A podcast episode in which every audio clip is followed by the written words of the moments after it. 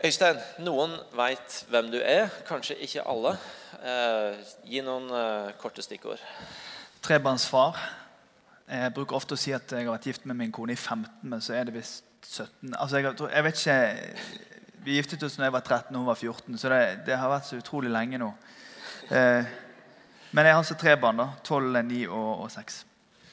Og er pastor Jeg skal innrømme jeg har gjort feil, for jeg har vært veldig aktiv på at pastoren i Bergenskirka kommer, men, men det heter dere jo ikke lenger. Nei, altså vi gjorde en analyse av uh, hva skjer hvis vi en gang har lyst til å plante menighet i Trondheim, og vi heter bare Bergenskirken. Da tenkte vi at da får vi verdensrekord i ikke-menighetsvekst. Så vi måtte gjøre en justering på navnet vårt. og det var grunnen til at vi gjorde det. Men ikke, Trondheim kan kanskje ta en stund, men vi har akkurat plantet en ny menighet nord for Bergen. og Der er det heller ikke så veldig kult å hete Bergenskirken, så vi har måttet legge om litt. For eh, dere begynte som ei kirke på ett sted i Bergen. Men eh, nå er det en eh, litt ny tid med flere steder. Si noe om det. Eh, Bergen er jo en, en stor by. Eh, Eh, og, og, og, en meget viktig by. Og, og, eh, og om man tar de siste 30 årene i Bergen og ser på, på, menigheter som har kommet og ikke klart på en måte det lange løpet, da, så ser vi at noen tendenser er at hvis vi prøver å samle alt på én plass, så blir det ikke så mye rom til nye tjenestegaver og nye folk å vokse fram. Og sånn, og jeg opplever det som en, en personlig viktig greie i, for, for, mitt liv. det å få lov til å være med og, å gi eh, unge mennesker rom. Eh, få fram nye forkynnere og nye ledere. Og, og, Da blir det rett og slett bare vanskelig å være på én plass. Eh, så ser vi at vi kan øke effekten vår med å spre oss litt rundt. Men, men vi skal bevare kvaliteten, og så skal vi bygge, bygge heller litt annerledes. Da. Så vi, vi, vi satser på det. Fantastisk. Eh, som ung og relativt fersk pastor nå snakker jeg om meg selv, altså ikke om du, ja. så betyr det utrolig mye å eh, få være rundt folk som du merker at disse inspirerer deg. Og Øystein er en sånn som når jeg kommer inn i rommet med han, så tenker jeg han kommer til å bety en forskjell ikke bare i Bergen, selv om Bergen er viktig, men i Norge. Eh, så Det er utrolig gøy å få lov til å kjenne han, og det er utrolig gøy at du er her i dag. Og I tillegg til at du er en inspirasjon, så er du en fantastisk forkynner. Så nå skal du få lov til å forkynne for oss. Takk for det. Tusen takk, Egil Erling. Tusen takk for invitasjonen til Imi-kirken. Eh, og tusen takk for eh, for det som nå skal bli deres oppmerksomhet til meg i løpet av de neste 34 minuttene. Det gleder jeg meg veldig til. Eh, altså nå er det slik at Jeg var på, egentlig på to julebord i går kveld. så jeg måtte, Og så går jo ikke det fly i dette landet. I hvert fall hvis man ikke skal ut i distriktene. Sånn at jeg måtte kjøre hit eh, jeg måtte kjøre hit i dag morges. Men eh, jeg var her også forrige helg. Eh, altså Her i Rogaland jeg sier dette, Hvis det er ett småland i Norge, altså ett Jerusalem så er det denne regionen her. Så dere er utrolig heldige, og jeg henter utrolig mye inspirasjon fra veldig mange menigheter her. Eh, og deriblant eh, Imi-kirken. Nå er jo jeg en del av pinsebevegelsen, så vi holder jo på med vår greie, liksom. Eh, men, men heldigvis så får vi lov til å være i en tid hvor, hvor eh, de, de, det økumeniske klimaet eh, ikke bare handler om at vi skal være greie med hverandre, men vi, vi, finner hverandre i det at vi har den samme hensikten med menighetsdriften vår og med visjonene våre, nemlig det at flere skal bli kjent med Jesus. Eh, vi kjenner igjen den samme kulturen i veldig mange av menighetene. Selv om vi ser ulikt på ulike ting, så kjenner vi igjen denne årene av at vi er her for at flere mennesker skal få lov til å bli kjent med Jesus, og for at vår Gud skal få ære i det samfunnet som vi lever i. Og Det synes jeg er fantastisk. Jeg gratulerer dere med ny, ung, fersk forstander. Det er veldig bra. Egil Elling er super, og jeg venter store ting i løpet av de neste årene. Eh, og jeg gleder meg til å følge med på de neste 100, Nå får ikke jeg med meg alle de 150 årene, her, men jeg skal minne mine barnebarn på at de må følge med her. For denne menigheten her er jo en av de som har stått i dette landet og vil stå her fortsatt. All right. Dere, jeg har hørt at eh, dere snakker om eh, godhet i Imi-kirken. har snakket om det i høst. En ting som har som jeg har, har, har brytes litt med i, i, i, den siste tiden, egentlig gjennom hele menighetsplantingsperioden vår, som har, har vart nå i sju år, eh, det er noe av det som kom ut fra min brytning når jeg var ungdomspastor i Tabernakle Bergen. Jeg var ungdomspastor i Tabernakle Bergen, var ute med en femteklasse på en skole, og så var det en, en ung gutt der som sa det at du, det der terminaklet, du, er det en del av busstasjonen? sa han. Fordi at det finnes noen ord og noen vendinger i de tingene vi holder på med i våre menigheter, som bygger litt murer til den verden vi lever i. Så når jeg eh, kom opp igjen i brytningen rundt 2003 om jeg skulle bli menighetspastor, eller om jeg skulle ta et, eh, en sånn forstandergjerning i en av disse menighetene, pinsemenighetene i Norge, så kjente jeg at nei, jeg er menighetsplanter. Jeg ønsker å forsøke i alle fall å bygge menighet for vanlige bergensere. Sånne folk som ikke har vokst opp i en frikirkelig tradisjon. Sånne som ikke vet hvor høyt bjellene på Arons kappe ringer når han nærmer seg terminaklet. Eh, hvor, hvor, altså disse som ikke vet forskjellen på, på, lys og salt og vinden som suser i bakkatrærne og alt dette herlige som vi pinsevenner har fått lov til å få med oss, og som jeg mistenker at dere også har litt av med sus og dus. Eh, hva med disse folkene som ikke kjenner vår kultur? Hvordan skal vi være kirke for dem? Og Der finnes det jo mange løsninger på dette, men det er noe vi må ta tak i. Og det er det at Jesus han ba oss, hver enkelt av oss, om å være i verden, men ikke av verden. Altså Jesus hadde en intensjon om at våre liv, våre kristne liv, skal leves i verden, men ikke av verden. Og Min tysklærer hun lærte meg at du må passe på preposisjonene. sa hun. Fordi Det bestemmer hva som skjer etterpå i setningen. Det bestemmer kasus.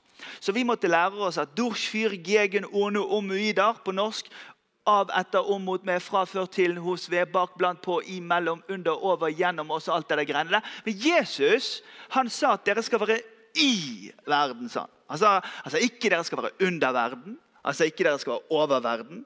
Han sa ikke dere skal være gjennom verden, mellom verden, ved verden. Han sa dere skal være i verden, men ikke av verden. Jesus er opptatt av preposisjoner.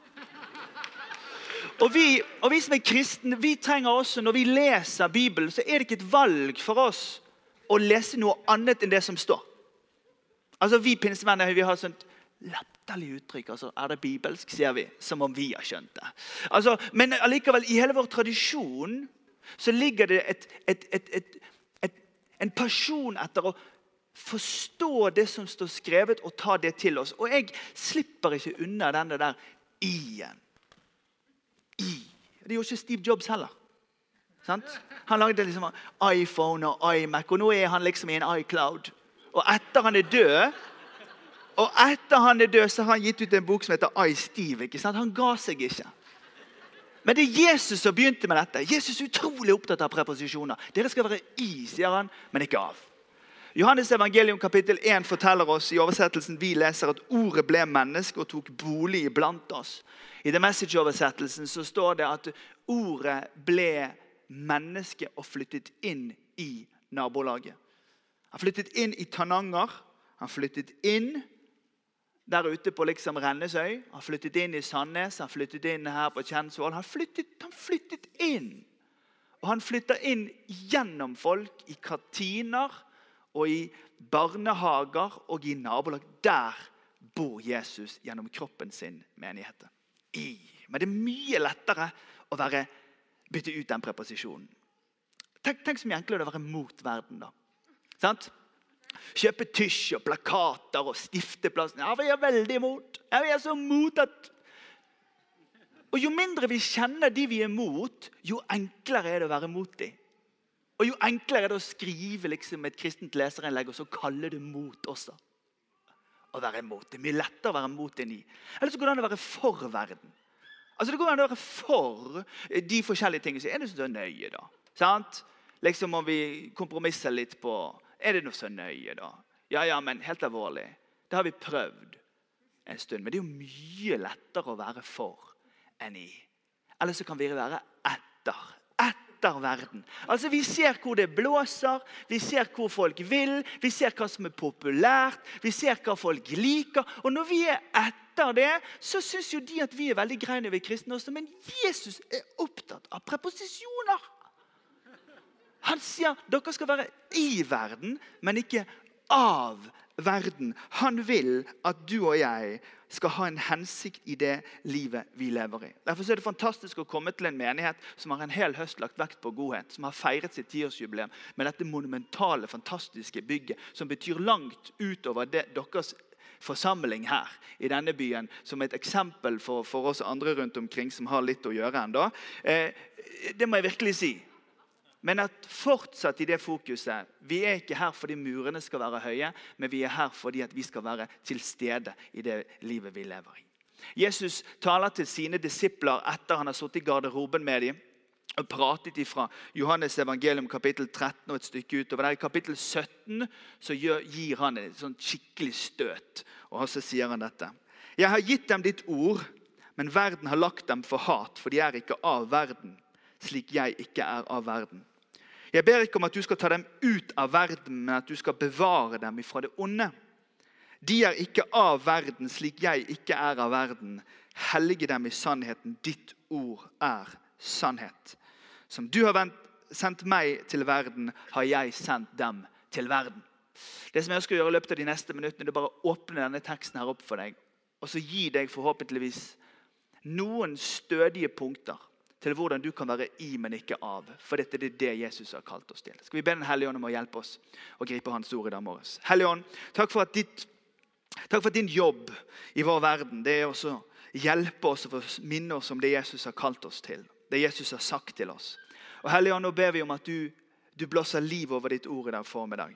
At du blåser liv over ordet, og du lar det treffe hjem, Herre, hos hos unge og, og, voksne her, og eldre i forsamlingen i dag. her. Du, du lar ditt ord bli til liv for oss, så at vi kan være i den verden du har kalt oss til å være i. I Jesu navn. Amen. Det første han sier, det er at eh, vi skal få lov til å være i ordet hans. Jesus understreker at han har gitt ordet til oss. Jeg har gitt dem ditt ord, hellige dem i sannheten. Ditt ord er sannhet. I Apostlenes gjerninger kapittel 2, vers 42 så står det at de holdt seg trofast til apostlenes lære. Nå har jeg vært eh, sånn fulltidspastor i elleve år. og Før det så var jeg både i USA en stund, og så var jeg aktiv før det igjen i Norge. Så jeg har litt peiling på hva som rører seg i ungdomsmarkedet, i alle fall i, i norsk frikirkelighet. Og jeg er litt bekymret ikke sånn bekymret, men sånn, kom an folkens. Vi kan litt for mange lovsangskor fra Australia og, og Impuls, og, og, litt for få bibelvers. Fordi at det er noen ting med at det fins noen sanger det er lett å synge, og så fins det noen ord vi faktisk bare må lære. Men det er forskjell på lovsangskor og bibelord. Og det er nemlig slik at det er Guds ord som er maten til det indre mennesket. Og Det står om de tidlige kristne at de hadde gjort et valg. Ikke bare holdt de fast på ordet, men de holdt også fast på fellesskapet. Og Du kan bare gjøre en liten betraktning av hvordan vi forholder oss til fellesskap i det moderne Norge. Det er ganske så slapt. Vi stikker når det ikke passer oss rett. Og jeg er redd for at det gjør vi noen ganger ovenfor ordet også. Jesus sier, 'Jeg har gitt dem ditt ord. Ditt ord er sannhet.' Hellige dem i sannhet. Hva betyr det? Jo, Det er slik med Guds ord som det er med vitenskapen og med forskningen. Du driver med årsak og virkning. Altså Du utsetter ditt liv for Guds ord, og så får det en virkning på ditt liv. Det er årsak og virkning. Så det at eh, Vi driver jo nå for tiden, det er veldig populært i Norge å si at ja, men jeg må være meg selv. Og jeg er helt imot det. Altså Det verste jeg vet, det er når folk er seg sjøl. Altså, Hvorfor skal de egoistiske, selvopptatte, forbrukervennlige, eh, liksom vanskelige og sinte iblant oss få lov til å være seg selv? Hvorfor kan ikke de heller bare være sånn som Jesus har bedt dem om å være? Altså, Er det slik at vi skal få lov til å gå rundt med en sånn joker i ermet og si jeg må være meg selv? Det var tøys, det. Vi skal være slik han vil at vi skal være. Det betyr at når vi har fått Hans ord, så skal vi også få lov til å helliges i sannhet. Altså, det skal være en virkning på vårt liv at Hans ord treffer oss. Det er disippelskapets vei også i det moderne Norge. Tror vi på det? Derfor så sier Jesus, unnskyld, Paulus Vi skiller på han også i pinsebevegelsen. Jesus og, og Paulus. Han sier, 'Skikk dere ikke lik denne verden', sier han i Romane 12. Men bli forvandlet ved at deres sinn fornyes, så at dere kan dømme hva som er Guds vilje, det gode, det som Han har behag i, det fullkomne. Altså, Vi får en oppfordring til å velge hvordan vi skal skikke oss. Og Det handler ikke om en sånn 'skikk dere ikke lik'. Det handler om en sånn du, Løft blikket, da. Skikk deg ikke lik denne verden, men velg heller å skikke deg lik en annen verden. The Message-oversettelsen sier han, og jeg har tatt friheten å oversette den til bokmål. Bli ikke så tilpasset den kulturen du lever i, at du passer inn uten å tenke over det. Isteden fokuser din oppmerksomhet på Gud. For da vil du bli forvandlet fra innsiden og ut. Vær oppmerksom på hva han vil med deg, og vær rask med å gi ham respons. For ulikt kulturene omkring deg, som alltid drar deg ned på sitt nivå av umodenhet, så bringer Gud det beste ut av deg og utvikler en velformet modenhet i deg. Bli ikke så tilpasset den kulturen du lever i, at du passer inn uten å tenke over det. Isteden rett din oppmerksomhet på Gud. For da vil du bli forvandlet ifra innsiden og ut. Religiøsitet Kristne dogmer som handler om at ja, nå må du forandre deg og du skal gjøre burde måtte være, blir ikke enkelt å levere i et, i, i, i et mangfoldig og flerkulturelt og, og, og, liberalistisk Norge. Vi kan bare glemme det. Men Guds nåde, Guds vei til endring, den kan vi få lov til å gjøre reklame for. For den går utover vår livskvalitet. Derfor sier jeg alltid at det er forskjell på forandring og forvandling.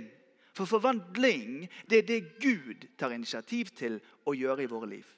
Forvandling handler om den usynlige prosessen av at når Hans ord kommer på våre liv og skaper en virkning på våre liv, så endres vi til Hans skikkelse. Det er det som er kristenlivets vandring. Og det bare skjer fordi det skjer. Fordi vi utsetter oss for Hans nærvær.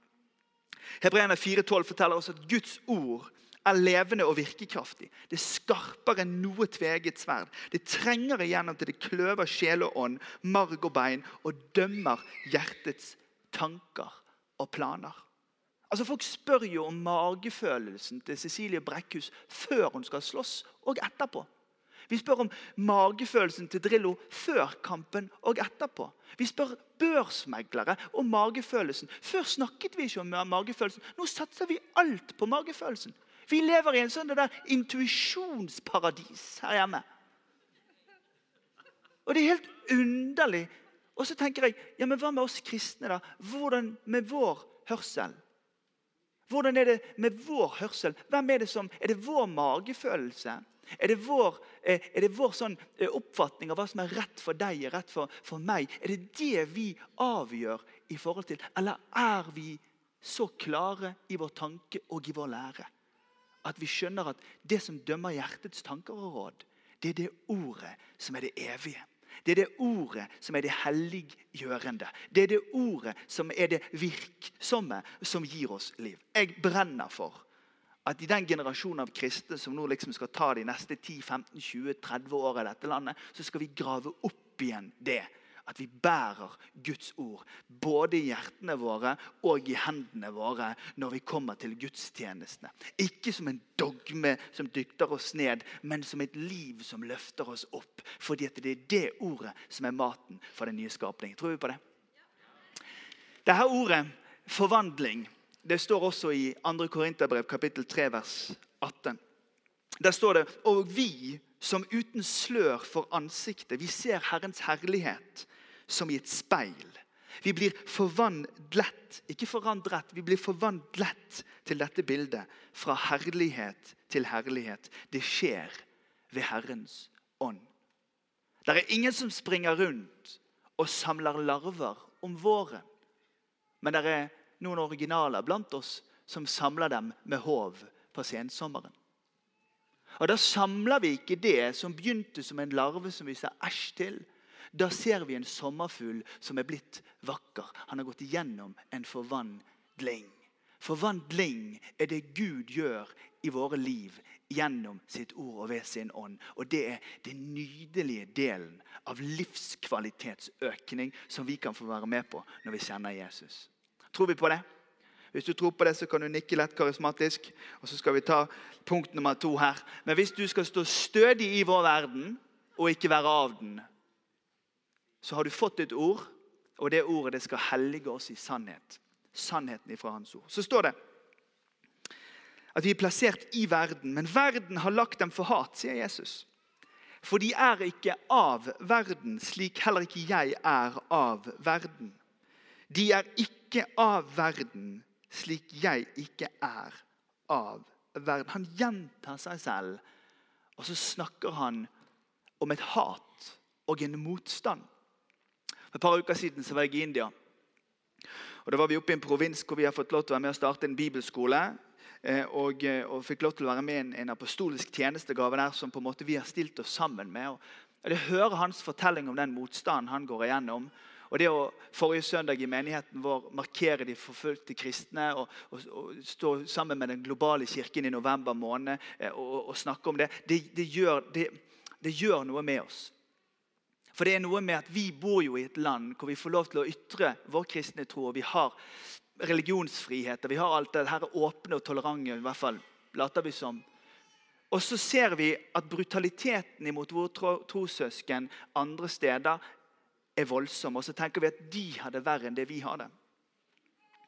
Men hvis vi ser gjennom Det nye testamentet på den som hatet Jesus mest, så var jo det nettopp dem som skrev, som tvitret. Det var jo dem som skrev blogginnleggene i Dagbladet. Det var jo dem som liksom eh, ga ut bøker med sånne fyndige titler som eh, 'Vi som elsket Jesus'. Altså, det var jo disse som ideologisk sett var mot Jesus, som hatet han mest. Hvorfor? Jo, for det var de som eide verdensbildet. Det var de som eide den religiøse makten, og de var truet av denne mannen, Jesus fra Drammen. Som plutselig bare kom der og sa at liksom Jeg Dere skjønte det med Drammen? sant? Kan noe godt komme fra Drammen? Kan noe godt komme fra Nasaret? Vi må jo ta noen. Eh, og det er fordi vi har sluttet å gjøre det så mye med trønderne, for det ble litt mye bråk. Det ble forfølgelse, rett og slett. Eh, men Jesus er veldig tydelig på når han sier i, i Johannes 15, 25, at, at det skal bli oppfylt, det som står skrevet i deres egen lov. De hatet meg uten grunn, sier Jesus. Så Der siterer han Salme 69, hvor det står at de som hater meg uten grunn, er flere enn hårene jeg har på hodet. Mine svikefulle fiender er mange de som vil gjøre ende på meg. Det har røvet, må jeg likevel gi tilbake. Jesus opplevde å bli hatet uten grunn. Det er noe dypt irrasjonelt i den åndelige forvirringen rundt motstanden imot Jesus Kristus. Altså, Jesus selv skjønte ikke hvorfor de var mot ham. Og Når du leser i blogginnlegget, når du leser på websiden, når du leser i leserinnleggene, og du følger med på hvordan i den sekulære staten Norge og i det sekulære Skandinavia hvordan eh, den kristne debattanten i samfunnsdebatten karikeres og, og fordummes og kalles middelaldersk og, og, og, rett og slett bare erklæres som ikke-deltakende i samtalen, så er det en del av et større sekulariseringsprosjekt. Ikke bare at Nina Karin Monsen eller Espen Ottesen ikke skal snakke.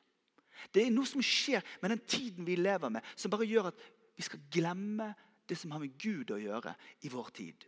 Det er det sekulariseringen gjør med oss. Dagene blir like. Ingen av husene skal være hellige. Det som ikke kan måles i produktivitet og effektivitet, det regner vi ikke med. Og så skal vi bare glemme i en generasjon at det finnes en åpen himmel over våre liv. Det er den store sekulariseringsvirkeligheten vi lever i. Og Så sier Jesus til oss i år 2011 at liksom dere skal være i, men dere skal ikke være av. Men folk kommer til å hate dere for det. Fordi dere står og sier at deres trosbilde har lov til å utfordre det naturvitenskapelige og sekulære verdensbildet. Og der kokes kristne i vår samtid sakte. For det å reise seg opp i kristendom RLE-timen på skolen og mene noe, eller si noe høyt i kantinen på jobben. Det blir noen ganger en motstand som vi ikke takler. Ikke denne uken. Ikke, ikke neste uke heller. Og så er det enkelte som rett og slett bare Dere har hørt om han som de skulle si noe i, i begravelsen hans. Ja, Han var veldig annerledes, han var kristen, sånn som ikke skulle bruke ord. Så sa de han var, en, han var en flott og fin mann, og jeg tror han var vegetarianer. sa de, Når han, eh, når han sluttet på jobben der. Eh, eh, og Det er noe med, er noe med at vi, vi, vi koker vekk vår forskjellighet. Men de elsket Jesus. De marginaliserte. De som var fattige. De som ikke nådde opp. De som var utstøtt. De som ikke hadde rent mel liksom i posen og kunne vise en god historie gjennom livet sitt. De elsket han. De elsket han, for de bare visste det at han vi ikke kunne nå opp til. Han har nådd ned til oss, og de elsket han for det. Og Så fins det en sånn gjeng i dette her norske kristenlivet. Sant? Vi lavkirkelige og frikirkelige. Sant? Vi som holder på med litt av hvert. Vi.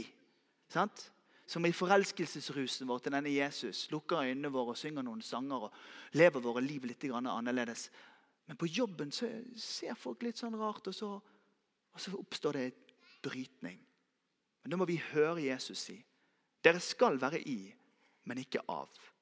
Og Da må dere tørre å reise dere opp i deres trosbilde og trosvirkelighet og la dem bare møte verdensbildet til de folkene som er rundt. Og Hvis det blir litt gnisninger, so be it! Det måtte besteforeldrene mine tåle på Voss rett etter krigen. Da må nå jeg tåle litt nå. Og Så kom datteren til meg og så sa hun til meg OK, sa hun. På skolen så sier de at det fins forskjell på hyperkristen, litt kristen, vanlig kristen og normalkristen. Hva er vi? sa hun. Så sa jeg det er ikke vanskelig å si hva vi er der, men jeg tror det er litt feil måte å regne på. Det fins bare to typer kristen. Det fins levende kristen, og så fins det de som trenger å bli levende kristen. Så du må ikke la de andre sette lapper på deg, sa jeg. Bare lev med Jesus, du. Og jeg, jeg gjør jo det sosiale prosjektet å la mine barn gå på vanlig norsk skole. Og det, det går forrykende bra. Men du, jeg skal si det, det at skal, jeg har blitt litt mindre tøff i trynet med kristne skoler etter hvert som jeg har vokst til her og fått barn i den alderen. Men jeg tror ikke at uten brytningen og kontrasten at vi kan bli sterke. For det er i brytningen og kontrasten at vi ser at lys er noe annet enn mørke. Det er i brytning og kontrasten at vi ser at sannhet er noe annet enn løgn. Det er i brytning og kontrasten at vi ser at ærbarhet er noe annet enn disrespekt. Det er i brytningen vi ser at åndens frykt er noe annet enn å gi etter for kjødets lyst. Det er en brytning, men det er der vi skal være i, men ikke av. Slik jeg ikke er av verden, skal dere ikke være av verden. Det neste. Vi er plassert i en hensikt. Jeg ber ikke om at du skal ta dem ut av verden, men at du skal bevare dem ifra det onde.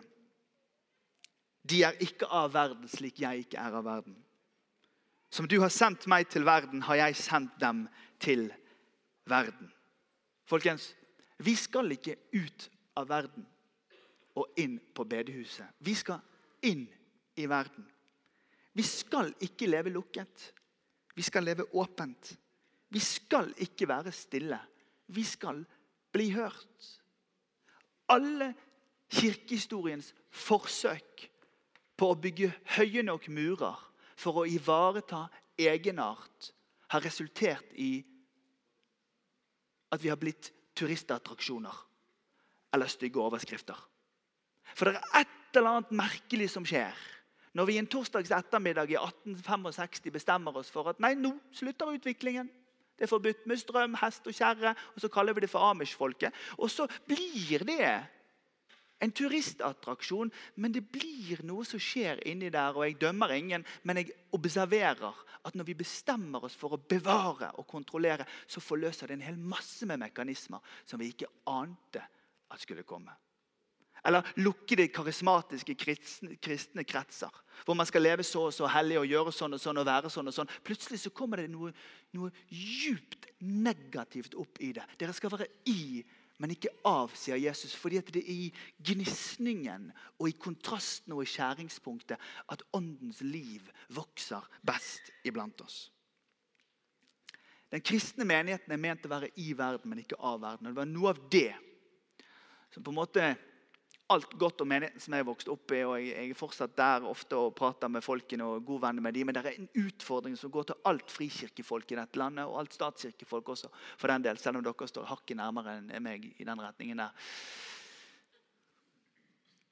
Og det er at Vi kan ikke leve lukket. Og Vi må ikke gå med på at det som har vært personlig kristen, skulle bli privatkristen, og nå er blitt marginalisert kristen. Og vi bare tenker at Hvis de er stille her borte på Ebenezer, eller lysets stolpe, som, eller et eller annet kult, som vi kaller det. Sant? Bare vi er stille nok her, så lar de oss være i fred. Det er en misforståelse. For hvis vi tror at det å flytte oss til utkanten av samfunnet eller inn i foreningene våre for å være et skjul fra verden, som Øyvind McManus sier, så har vi misforstått. Han spør dette spørsmålet, Er din menighet et skjul fra verden eller er det et skjul for verden? Menigheten skal være et skjul for verden. Den skal ikke stå ved verdens utgang, men i verdens midte.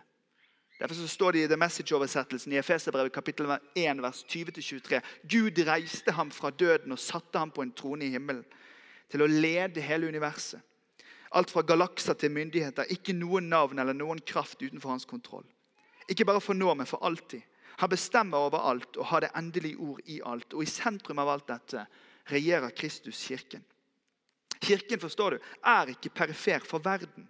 Det er verden som er perifer for kirken. Kirken er Kristi kropp, han ta, hvor han taler og handler og fyller alt med sitt nærvær.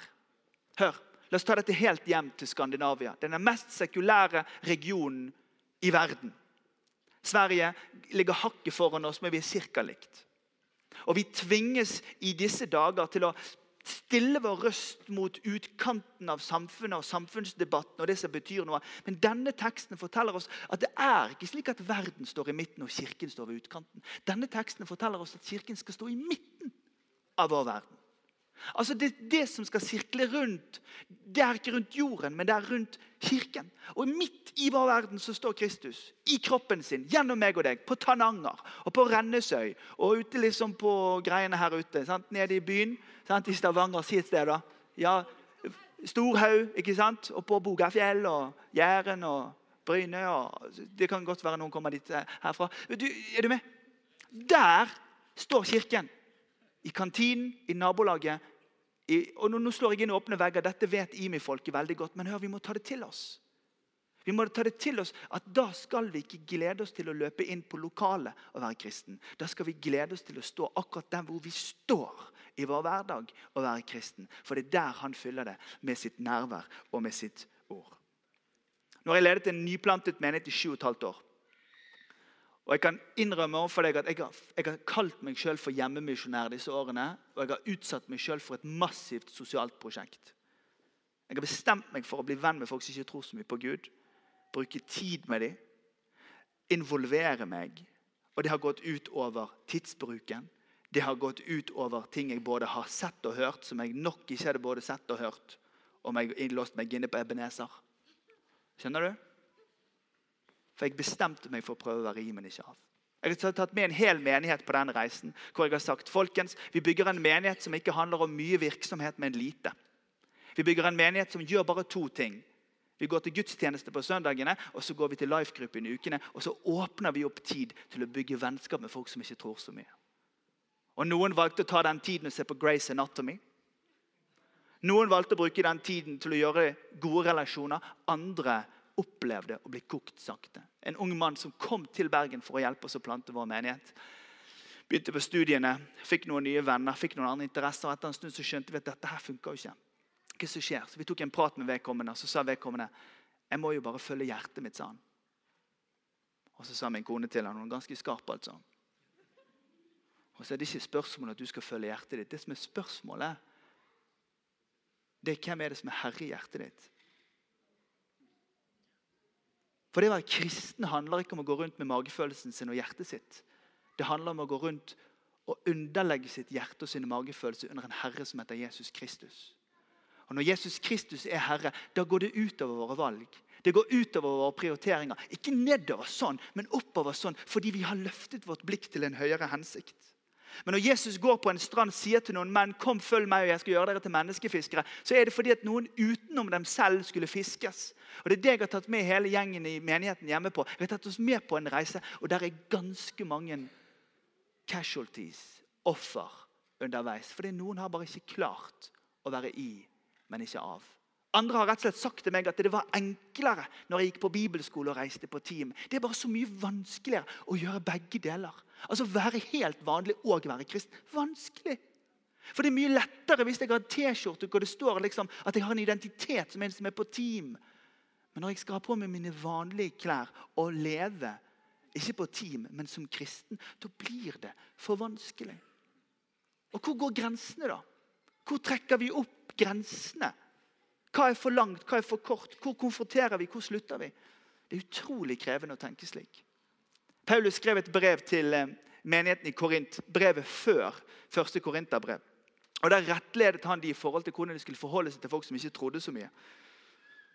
Men han måtte skrive et nytt brev til de i 1. Korinterbrev kapittel 5, vers 9-10. så står det Jeg skrev i brevet til dere at dere ikke skal ha noe med å gjøre med folk som lever i hor. Jeg mente ikke alle i denne verden som driver hor eller er grådige, eller ransmenn eller avgudsdyrkere, for da måtte jo dere gått ut av verden. Så Paulus prøver å rettlede de sier at ja, det må være noen grenser her, men, men, det er vanlig at trøndere har bart. Så la de bare ha det. på en måte. Og så er det vanlig at fisker svømmer, og fugler flyr, og syndere synder. Det er vanlig. Men de av oss som tror vi skal leve på en litt annen måte. Og det, det er ikke religiøst. Det er vår mulighet til en livskvalitet fra himmelen. Og så sier han dere må være i, men dere, dere må ikke være av. Jeg trodde jeg var frafallen en pinsedag. Altså, Jeg er jo pinsevenn. Jeg bruker sjelden den labelen, merkelappen, men en pinsemorgen pins, Det var pinsemorgen. Det, det, hadde kommet med en annen tonelei hvis jeg var en pinsemenn. Altså, da, hadde nesten, da hadde det kommet et sukk fra forsamlingen. Ja, men dere Ja, ja.